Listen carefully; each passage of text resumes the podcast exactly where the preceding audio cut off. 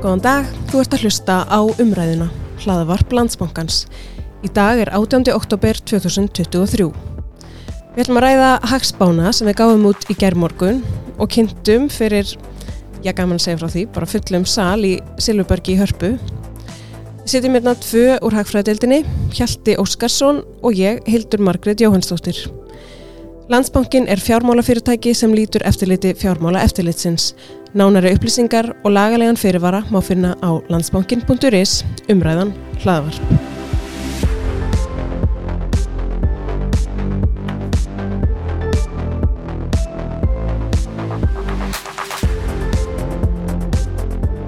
Já, það er bara ágætt að hagspáin sé komin út í kosmos, veist það ekki? Heldur betur.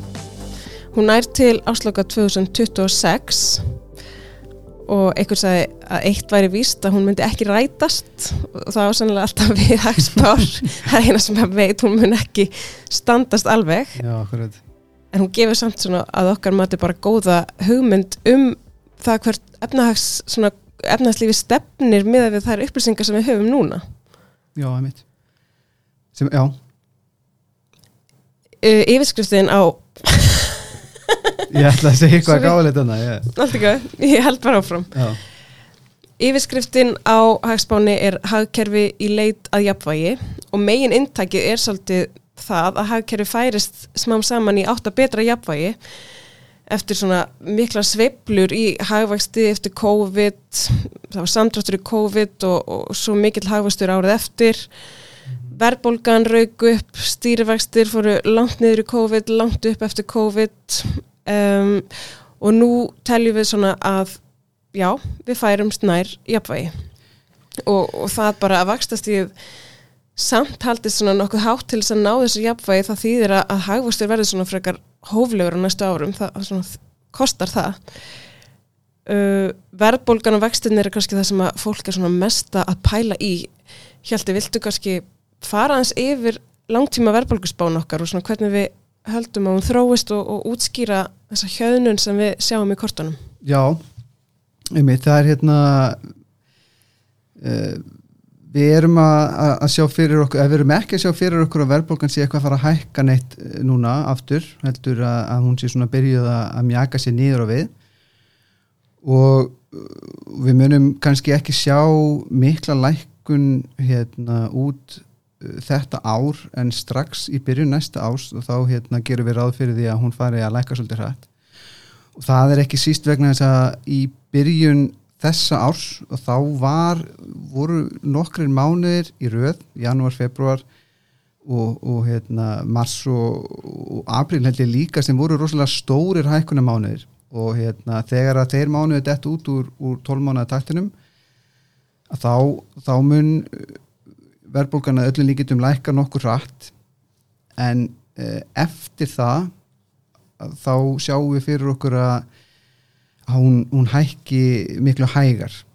Og uh, við, við erum í spannu erum við að gera ráð fyrir því að, að meðal verðbólgan uh, á næsta ári verði 5,3% 4,3% að meðaltali 2025 og, og, og verði ekki komið neðar heldur en 3,6% á loka árunni 2026 og, og þetta er svona verkefni sem við vitum að, Sælabankin þarf að eh, þarf að eiga við og, og, og, þetta er svona það sem við höfum ágjur af að, að, að það verði svolítið erfitt að ná verðbókunni niður e, svona þegar hún er komið niður í þetta 5-6% Já, það getur svolítið verkefni að koma henni niður í markmið og við teljum að markmið Sælabankans um 2,5% af verðbólgu náist ekki á spátímanum.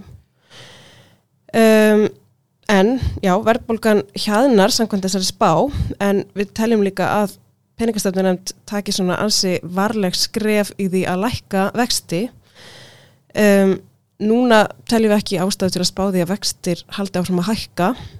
Um, en við sjáum ekki fram á að þeir byrja að lækka fyrir kringum mitt næsta árs og verði ennþá 8% uh, í lok næsta árs fara svo nýri 5,25% undir lok árs 2025 og 4,25% undir lok spátímans. Og það er auðvitað þessi vaksta spá skýrst, það er auðvitað ekki síst af yfirvándi kjara viðræðum það er bara stutt í að kjaraviðraði fara aftur á stað eins og síðasta vetur. Stæstur hluti kjærasamlinga losnar í byrju næsta árs og það er auðvitað hætta á því að það fara allt aftur í gang ef að launahækkanir íta mikið undir eftirspurnina þá þrýsti hún verðbólgunni aftur upp og það er svona erfitt að sjá fyrir þess að Sælubankin þóra að byrja að lækka vext og senda svona einhver skilabóðum einhvern slaka á meðan kjærasamlingar er í fullum gangi eða, eða alveg að fara á stað, veistu það ekki? Jú, meit, þetta er í rauninni sama um að skoða sko, hérna, þjóðhagsbánu okkar fyrir árið síðan í oktober í fyrra að þá var þetta svona sami stóri óvissu þátturinn mm -hmm. Og, og þá voru hérna, gerði skamtíma sanningar að því að, að því að það gerði allir ráð fyrir því að, að hérna, verðbólka myndi læka ræðar en hún hefur gert. Og vegna þess að það voru gerði skamtíma samningar að þá kemur þetta aftur núna og þá er þetta sama óvissan. Uh, en eins og þú segir við, við, ger, við erum ekki að gera ráð fyrir því að stýrivextinni séu að fara að hækka en, en að, að hérna, raunstýrivextinni muni samt sem aður hækka vegna þess að verðbókan lækkar þetta niður á móti. Þannig að smám saman ykst aðhaldið bara í gegnum í gegnum hérna herri raunstýrivexti. Já, já, jafnvel þótt að vextastíð breytist ekki ef það helst stöðut og verðbólgan hjaðnar og verðbólgu vendingar batna þá þá eigst aðhaldið í gegnum það. Um, Fyrst við erum að tala um vinnumarkaðin þá er þetta svona hérna, mikið í umræðinni hversu mikla launahækkanir verði hvort þetta verði bara jafn, harður samningavetur eins og sá síðasti. Um, það er auðvitað erfitt að segja til um það og alltaf svona hætta á að með eitt launahækkanir kynntundi verðbólgun og verðbólgan búið þó til ennþá meiri ástæðu til að hækka launin ennþá meira. Já, eh, þessi vikslverkun sem er alltaf verið að tala um. En við samt spáðum að það dræja þess úr spennu á vinnumarkaði. Að því við sjáum bara merkjum að nú þegar vextinnir séu farin að segja þetta alltaf til sín í atvinnulífinu og, og hérna, stjórnendur fyrirtæki þurfi ekki að berjast alveg mikið um starfsfólk eins og var hérna bara fyrra á árinu. Já, hann nefndi það einmitt í gær, hann hérna Gilvi sem var á, á í pallborðinu, hann, hefði, hann var í straxbyrjar að taka eftir því bara, bara hérna í hverju viku að, að hérna eh, að það væri meiri eftirsputn eftir, eftir því að fá störf hjá, hjá fyrirtækjum sem hann hérna, þekki til hjá og, er, og hjá hans fyrirtæki. Já, þá Gilvi Gíslason fórstjóri Jáverks. Akkurat. Einmitt, já, hann veistist finna þetta á einn skinni. Já, og bara því að það slakni á vinnumarkaðnum það, því fylgir já, óhjákvæmulega samkvæmt þess að spá aðeins aukið atvinnuleysi við spáum því að það fari upp í að meðaltali 4,4% árið 2025 sko atvinnuleysi bara minkaði alveg rosalega hratt eftir COVID. Það fór hæst í 12,6% í faraldrinum var svo komin neyri 2,8% í júli og já, og núna bara eftir því sem vextir hægja á umsefinu þá sjáum við fyrir okkur að, hérna, atvinnleysi hljóta auka staðins það er samt erfitt reyndar að segja til um að hversu mikið það verður til dæmis að því það er svo stór hluti af íslenskum vinnumarkaði núna sem eru innflytjandur og er kannski bara nýflutti til landsins Já, og þeir getur bara, þegar það er minna að gera bara flutta aftur, aftur tilbaka. Já, og sannilega ykkur hluti. Erfitt fyrir okkur að spáði hversu stór hópur það er. Já.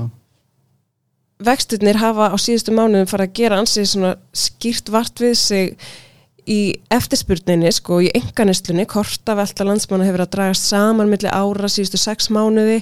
Enganistla jógst mjög lítið millir ára á öðrum ástfjörðungi og svona núna teljum við líka að, að vexturnir fara að segja til sín meira hjá fyrirtækunum og, og þeirri hlið. Uh, og já, að það drægi úr þessari spennu. Um, við erum reyndar ekki búin að tala um hvað hagvextu við spáum, því að vextirnir hægja þetta ekki bara, þeir drægi ekki bara úr eftirspurninu og, og, og hérna, tempra verbulguna heldur þetta hægja þið bara á umsöfum í, í hérna hagkerfinu almennt og, og þess að spáum við svona þessi hóflegum hagvexti.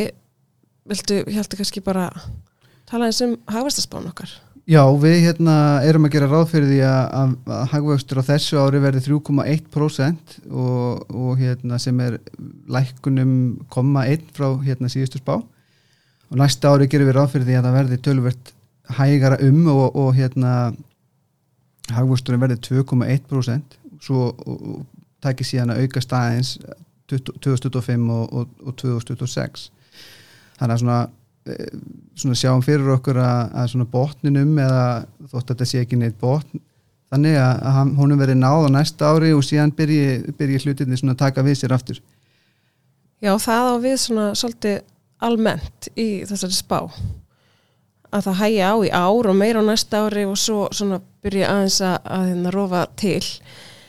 Um, til dæmis á íbúðumarkaði við spáum því að íbúðaverð hækki um að meðaltali 5% á þessu ári og það verður bara svona frekar rólegt á íbúðumarkaði byrjun næsta árs og að verði takið svo aðeins við sér eftir því sem að koma svona skýrari merki um að vakstastíð geti farið að lækka og, og verði hækki um samt ekki meira en 2% á næsta ári og svo 6,1% árið eftir.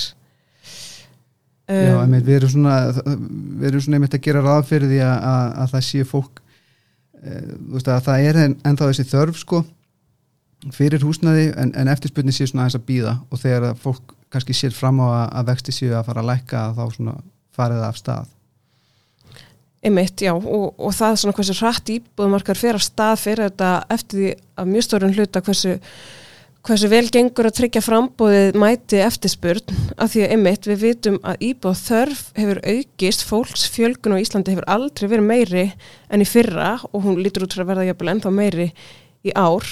Uh, þannig að það er þörf á íbúðum og, og ef að frambóðið er langt frá því að mæta eftirspurninni má þetta gera ráð fyrir þó nokkrum verðhækkunum og við spáðum reyndar að íbúða fjárfesting drægist saman í ár og á næsta ári. Og byggjum það bara til dæmis á, á spá HMS um uppbyggingu íbúða að það verði svona aðeins hægara núna í ár og næstu tvö ára á undan heldur en hefur verið á síðustu þremur árum. Og það er auðvitað bæði bara vegna þess að verðþróun og íbúðumarkað er ekki svona skýr upp á við eins og áður og íbúður eru lengur að seljast En líka bara út af þessu að vextirnir auðvitað hljóta að þingja róður fyrirtækja í þessari grein eins og bara annara fyrirtækja almennt og hérna, Já, þú sjá bara fjármannskostnaðurinn er orðin, orðin þetta mikill og, og það hefur bara, og maður sér það bara í, í þeim verkefnum sem að e, það eru miklu færri verkefni sem að eru, er verið að byrja á núna heldur en, heldur en áður. Mm þegar fjármannskostnaðurinn var, var hérna hagstæðari þannig að það, það já, það verður þetta er bara afleðing af, af meðal annars af því að vextir eru orðin svona þeir eru fannar að býta alveg verulega í já og það á líka við um atvinnum fjárfestinguna. Uh, já, einmitt, við hérna aðtunum við að fjárfestingin er búin að vera mjög sterk síðustu ár og, og við erum svona, við erum ekki að gera ráð fyrir því að það drægi saman en, en að það hægi nokkuð á við erum að sjá fyrir okkur að það verði um, um hún, hún aukist um svona 3% í ár. Uh, og næsta ári aukist hún síðan og, og stórum hluta vegna uh, verkefna sem að tengjast hérna, svona orkufrekum yðnaði uh, og, og, og, og san- þannig verkefni halda síðan áfram út hérna spátíman en hérna en þessi hérna, aukning í atvinnumverðfjárfestingu verður svona, þóttu þetta sé ekki mikið aukning, verður svona mestu drifin af þessari almennu atvinnumverðfjárfestingu uh, fyrir utan fyrir utan á næsta ári það sem að það er svona cirka til japs þessi, þessi sluti í stóriðinni og, og, og síðan þessi almenna atvinnumverðfjárfesting Einmitt. Uh, já, það hægir bara á langt flestum svona undirliðum landsframleyslunar. Líka þegar kemur að utanríkisviðskiptum, sko útflutningur Íslands jógst um 22,3% í fyrra og núna spáum við því að hann aukist um 6,8% og það er auðvitað bara langmest vegna þess að í fyrra var sko, þessi munur sem sagt á árunni í fyrra og árunni ár skýrist langmest að því að bara í fyrra var ferðarþjónustan að vakna eftir bara svona COVID-dvala, hún hefði bara leiði algjörum dvala og svo fjölgaði ferðarmennum alveg brjálæslega hratt í fyrra. Um, við sjáum ekki neina ástæðu til þess að halda að ferðarmennum geti fjölgað svona hratt áfram, viltu fara að séu það kannski? Já, einmitt, í, sko í fyrra voru, voru ferðamenn sem komið í gegnum hérna, Keflavíka flugvöld 1, voru ein- það voru 1,7 miljón ferðamenn sem komið í fyrra. Í ár er að stefna í það verði um 2,2 miljónir og, uh, og, og við svona sjáum ekki ástæði til þess að vera spá við, erum við, við sjáum alveg fyrir okkur að það verði einhver aukning á milli ára og við erum að sjá svona í, í spáni eru við að gera ráð fyrir því að það verði um 100.000 fleiri á hverju ári útspátíman þannig þannig að 2026 verði þeir orðnir 2,5 miljónir og um, það voru, maður mað hafði séð svona spár þar sem maður var verið að gera ráð fyrir því að, að, að þessum fjölda er þið náð miklu fyrr, jáfnveil bara næsta ári eða þar næsta. En ég held að svona, við fórum svona aðeins varlegar í, í að spá fyrir um, um, um fjöldan meðal annars bara vegna uh, innviða sem að uh, mögulega ráða ekki við svona mikla fjölgun svona rætt og þá, þá uh, má nefna til dæmis bara nýtingu á, á gisturímum og hótelherbyggjum í, í, á þessu ári er búin að vera mjög há. Og, og við erum samt að sjá að, að fjöldin er hérna ferðamannafjöldin er, er hérna bara 2,2 miljónir, eða við erum að spá því en ekki mikið meira heldur en það. Þannig að við erum svona, já við erum að sjá svona, svona það verður aukning en hún verður svona aðeins hægari heldur en, heldur en kannski við gerðum áður á fyrir. Einmitt.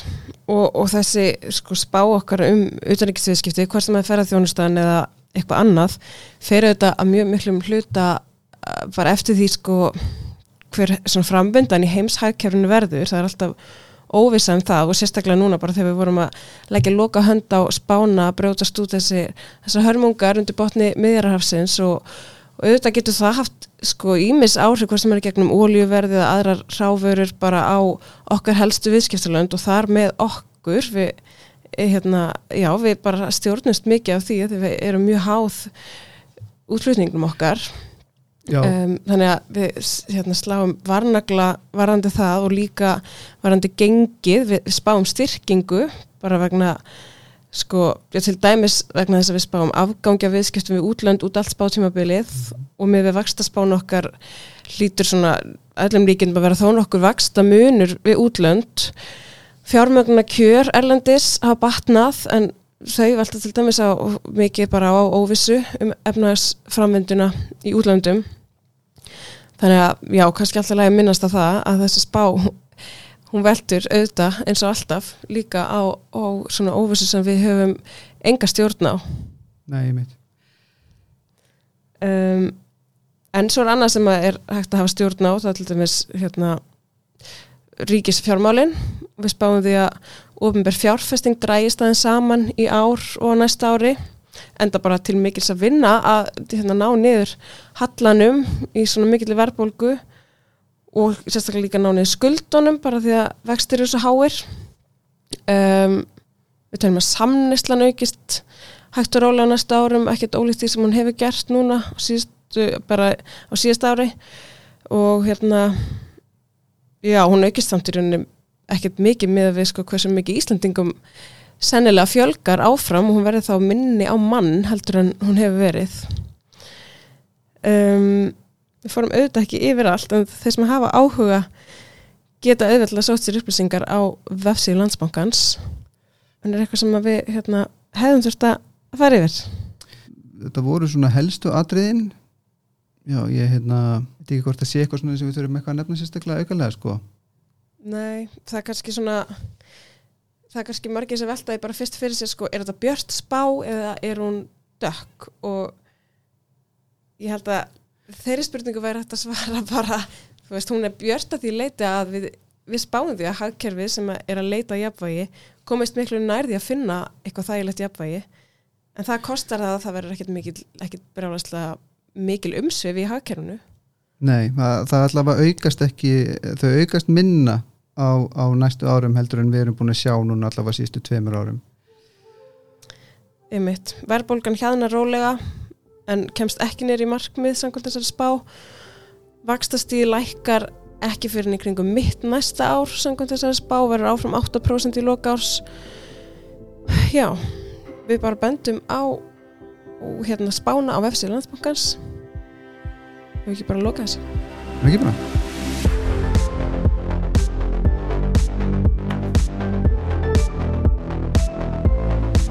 Þú varst að hlusta á umræðuna. Við þakkum fyrir okkar.